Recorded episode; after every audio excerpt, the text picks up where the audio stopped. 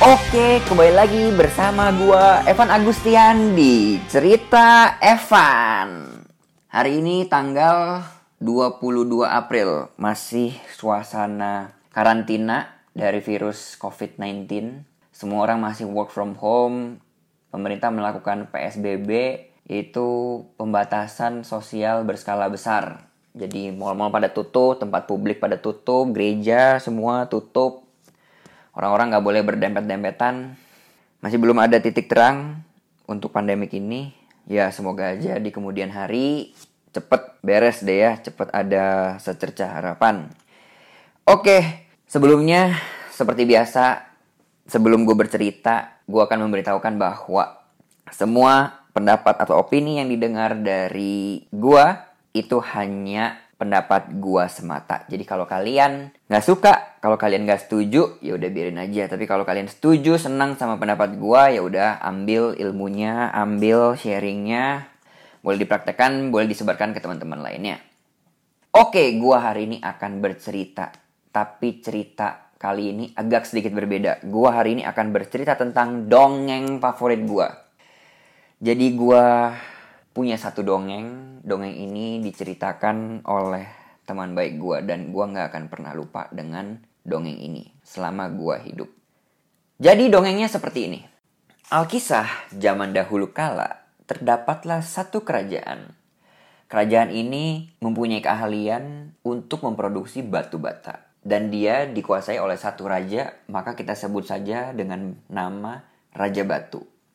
Raja Batu ini sudah terkenal di kerajaan-kerajaan tetangga karena kehebatannya memproduksi batu bata.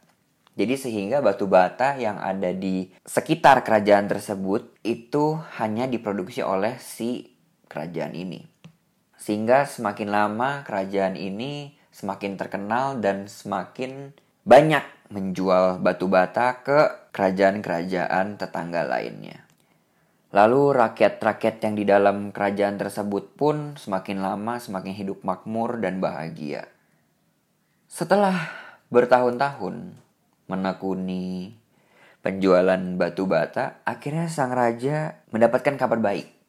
Raja Batu akhirnya mempunyai satu orang anak laki-laki. Lalu anak tersebut dia rawat semakin hari, lalu semakin dewasa dan akhirnya siap untuk menimba ilmu lebih dalam lagi. Akhirnya Raja Batu meminta sang anak untuk pergi ke kerajaan tetangga merantau untuk mendapatkan ilmu yang lebih hebat lagi dari si Raja Batu. Akhirnya si anak pun setuju dengan permintaan Raja Batu. Si anak mulai pergi dari kerajaan tersebut dan akhirnya merantau ke kerajaan tetangga untuk menimba ilmu. Setelah bertahun-tahun merantau dan akhirnya selesai juga masa perantauan dan masa pembelajaran di kerajaan tetangga, dan si anak pun kembali, kembali ke kerajaan. Setelah kembali ke kerajaan, lalu si Raja Batu meminta sang anak untuk membantu pembuatan batu bata, supaya pembuatan batu batanya itu menjadi lebih efisien dan sistem pengelolaan karyawan-karyawan di sana itu semakin ramping dan semakin mulus. Si anak pun akhirnya setuju untuk membantu melancarkan produksi batu bata. Si anak mulai belajar, mulai mencoba ini, mencoba itu di dalam proses pembuatan batu bata tersebut. Akhirnya semakin hari, semakin lama, hasilnya mulai kelihatan gitu. Batu bata yang diproduksi semakin bertambah, penjualannya pun semakin lama semakin meningkat. Setelah bertahun-tahun bereksperimen, mencoba ini itu, si anak akhirnya berprogres, mendapatkan pengalaman-pengalaman baru yang dia belum pernah dapatkan sebelumnya pada saat dia belajar di kerajaan tetangga. Nah, pada suatu hari, ada kawan lama dari Raja Batu singgah mampir untuk ngobrol dengan Raja Batu. Lalu kawan lama ini berbicara seperti ini. Hei Raja Batu, saya punya teman nih teman baik. Dia itu mengerti sekali dengan sistem pengelolaan pembuatan batu bata. Mau nggak kalau saya kenalkan dia kepada kamu? Nah, Raja Batu pun berpikir, kenapa enggak gitu ya? Toh juga nantinya orang ini bisa membantu saya untuk melancarkan, mengembangkan produksi batu bata di kerajaan ini. Tanpa pikir panjang, akhirnya Raja Batu menyatakan setuju. Ya, boleh, undang saja dia ke sini. Temannya bilang, tapi dia sudah sangat tua ya.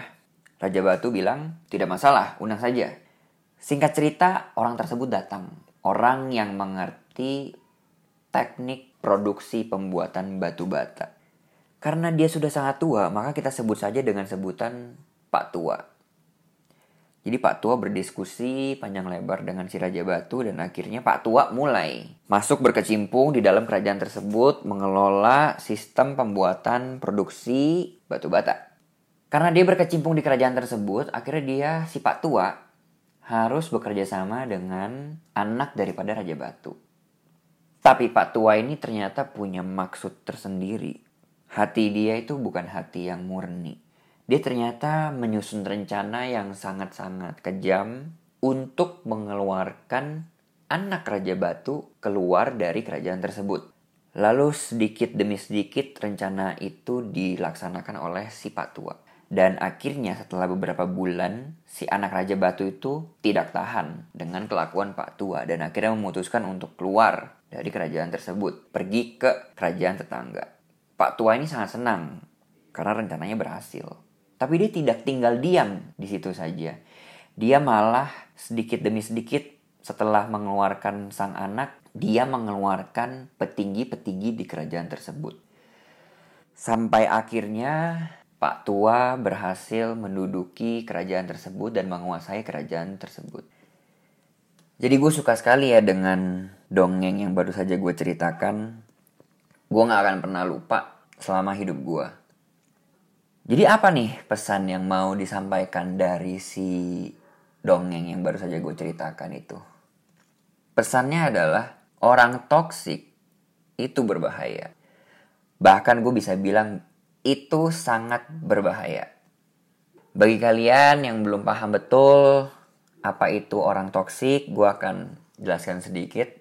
Orang toksik itu adalah orang yang memancarkan energi negatif Biasanya mereka itu memancarkannya dengan attitude mereka, perilaku mereka, mindset mereka, cara pandang, cara berpikir, atau yang paling sering terjadi adalah perkataan mereka. Perkataan yang bukan mendorong orang untuk menjadi lebih positif atau bersemangat untuk mencapai goal mereka, tapi perkataan-perkataan yang malah menarik orang-orang untuk menjauh dari goal mereka atau bahkan menarik mereka untuk menjadi orang yang negatif.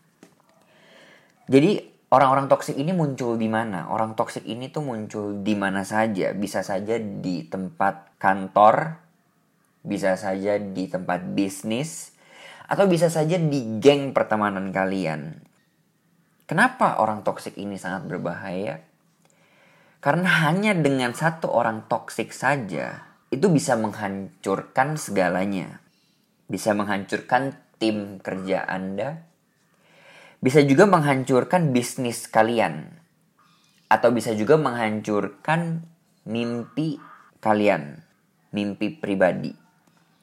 Contoh, semisalnya Anda bekerja di satu perusahaan, Anda berada di satu tim gitu ya di tim itu mungkin terdiri dari lima orang dan ternyata satu orang itu adalah satu orang toksik di mana dia itu mengeluarkan racun-racun negatif kepada teman-teman satu timnya. Mungkin yang pada awalnya tim tersebut sangat berapi-api, sangat bersemangat gitu ya, performanya baik. Tapi karena satu orang ini yang setiap hari memberikan racun toksik, menyebarkan aura negatif ke teman-teman satu timnya itu, jadi semakin lama performa tim tersebut semakin menurun motivasinya semakin lama semakin tidak ada. Yang ujung-ujungnya akhirnya mempengaruhi performa tim itu sendiri menjadi tidak baik, itu menjadi payah. Yang lebih parahnya lagi selain mempengaruhi performa tim itu bahkan mempengaruhi mindset daripada teman-teman yang berada di dalam tim tersebut. Karena hal yang terpenting dari semua ini itu adalah energi. Jadi energi itu nggak bisa bohong. Energi itu menular jadi jika orang tersebut memancarkan energi positif, maka sekelilingnya itu akan berubah menjadi positif. Akan menular.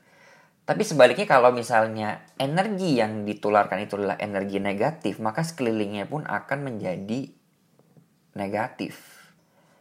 Nah, kenapa orang bisa menjadi toksik? Itu pertama karena memang dari diri dia, dari mindset dia itu memang sudah mempunyai mindset negatif. Yang mana dia itu memang tidak berpikir secara positif dan akhirnya dari segala perilaku, perkataan, perbuatan itu semuanya adalah negatif. Tapi bisa juga ada juga ya tipe yang satu lagi kenapa bisa terjadi toksik itu memang karena pilihan dia untuk menjadi toksik karena dia punya maksud dan tujuan tersendiri. Mungkin dia adalah orang yang positif, atau mungkin dia adalah orang yang baik, tapi dia karena punya maksud dan tujuan tersendiri. Seperti contohnya, mau naik jabatan, mau dilihat bagus oleh atasannya, sehingga dia menularkan racun-racun toksik kepada teman-temannya, sehingga teman-temannya itu mati, tanda kutip mati, atau kayak kalah, dan sehingga dia itu menonjol dan naik, dan dinilai baik oleh atasannya. Orang toksik ini bisa diumpamakan tuh sebagai tinta hitam yang dicelupkan ke dalam gelas berisi air putih. Jadi tinta hitamnya itu adalah satu orang toksik. Gelas air putih itu yang putih jernih itu adalah orang-orang yang netral atau bahkan positif. Lalu dimasukkanlah tinta tersebut, dicelupkan satu tetes atau dua tetes. Lalu diaduk gelas tersebut bisa dilihat bahwa itu akan membuat air di gelasnya itu menjadi keruh. Atau dengan kata lain, orang toksik tersebut menularkan racun-racun negatif sehingga lingkungan sekitarnya itu menjadi keruh, kotor, mindsetnya menjadi negatif. Jadi sebelum performa tim kalian menjadi keruh, sebelum bisnis kalian itu menjadi hancur, atau sebelum mimpi kalian itu kandas, segeralah identifikasi dan jauhi orang toksik di sekitar Anda. So, jadi buat teman-teman sekalian, coba perhatiin lingkungan sekitarnya, coba tengok kanan, coba tengok kiri. Apakah di sekeliling kalian itu banyak terdapat orang-orang toksik? Atau bahkan malah kalian sendiri orang toksiknya? Jadi waspadalah Jangan sampai bisnis kalian hancur, tim kalian runyam, atau bahkan mimpi kalian kandas. Beranikanlah diri untuk menjauhi orang toksik. Oke, jadi sekian cerita Evan kali ini. Kita jumpa lagi di cerita Evan yang berikutnya. Tapi sebelum menutup itu semua, gue meminta tolong satu hal bagi kalian yang mendengarkan melalui Spotify kalau suka dengan sharing gua, boleh kalian follow. Dan kalau kalian yang mendengarkan melalui Apple Podcast, boleh di subscribe kalau kalian suka dengan sharing gua dan boleh dikasih rating. Oke, tetap semangat, jangan menyerah.